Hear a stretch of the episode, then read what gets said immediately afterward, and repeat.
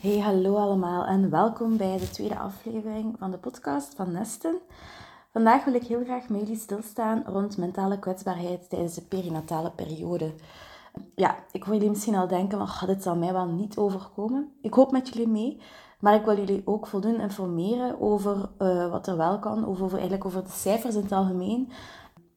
Omdat dat wel handig kan zijn om, uh, stel dat je toch iets voelt of, of het gevoel hebt van dit klopt toch niet helemaal wat ik nu meemaak, dat je toch wel eh, aan de alarmbel kan trekken en hulp zoeken indien nodig.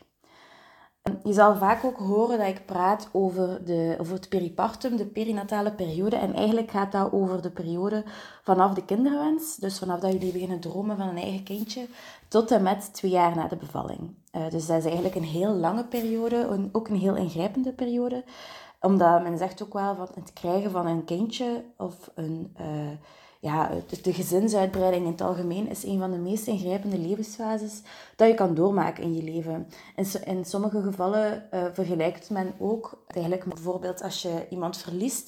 Het is eigenlijk even ingrijpend.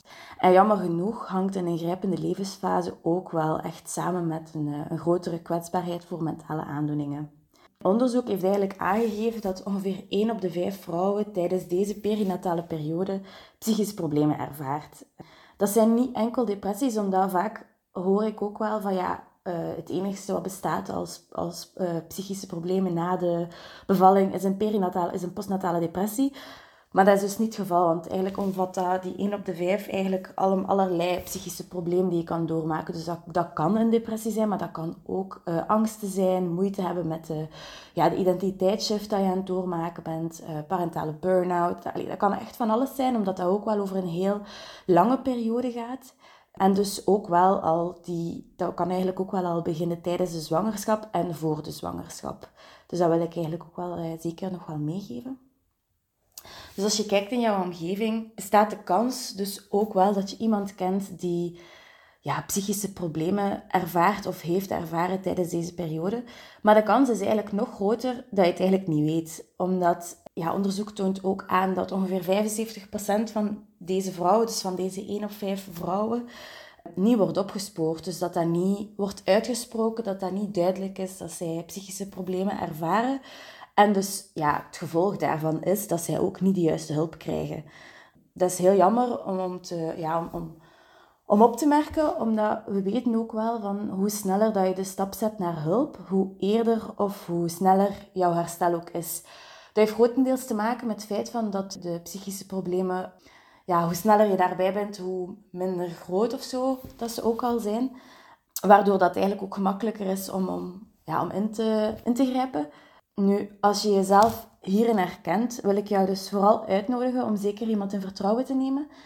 Uh, dat is super belangrijk, omdat als je het, ja, het is belangrijk om daar eerlijk over te zijn. Eén, om voor jezelf om hulp te zoeken, maar anderzijds ook om te tonen van ja, het krijgen van een kindje kan roze geur en maneschijn zijn. Maar in de meeste gevallen ja, is dat ook niet. En, en dat we eigenlijk een beetje uit die taboesfeer geraken. En ja, daar eigenlijk wat transparanter over zijn van wat dat er eigenlijk allemaal op jou af kan komen. Dat kan eigenlijk al heel klein zijn dat je kan doen door jouw partner of iemand die heel dicht bij jou staat in vertrouwen te nemen over wat dat je nu juist voelt. Soms kan dat eigenlijk al voldoende zijn om ja, weer wat adem te kunnen halen. Maar je kan ook zeker jouw zorgverlener uh, in vertrouwen nemen, bijvoorbeeld jouw voetvrouw. Zij kunnen samen met jou kijken naar oplossingen, van, om te kijken van ja, wat heb jij nu net nodig? Want je bent niet alleen verantwoordelijk nu voor, voor jezelf, voor je eigen welzijn, maar ook vandaar voor je kleintje. En dat kan ook wel helpen. Nu, wat ik ook wel wil meegeven, is dat je bij, bij, bij deze dingen die dat je nu zou kunnen voelen, uh, ook wel terecht kan bij nesten. Op een heel laagdrempelige manier kan ik met jou daarover in gesprek gaan en kijken wat je precies nodig hebt om, voelt, om daar woorden aan te kunnen geven.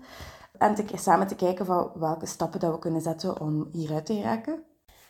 Wil je deze aflevering graag nog eens nalezen? Dat kan zeker op de blog die je kan vinden op mijn website www.nesten-ondersteuning.be. De link vind je ook in de show notes.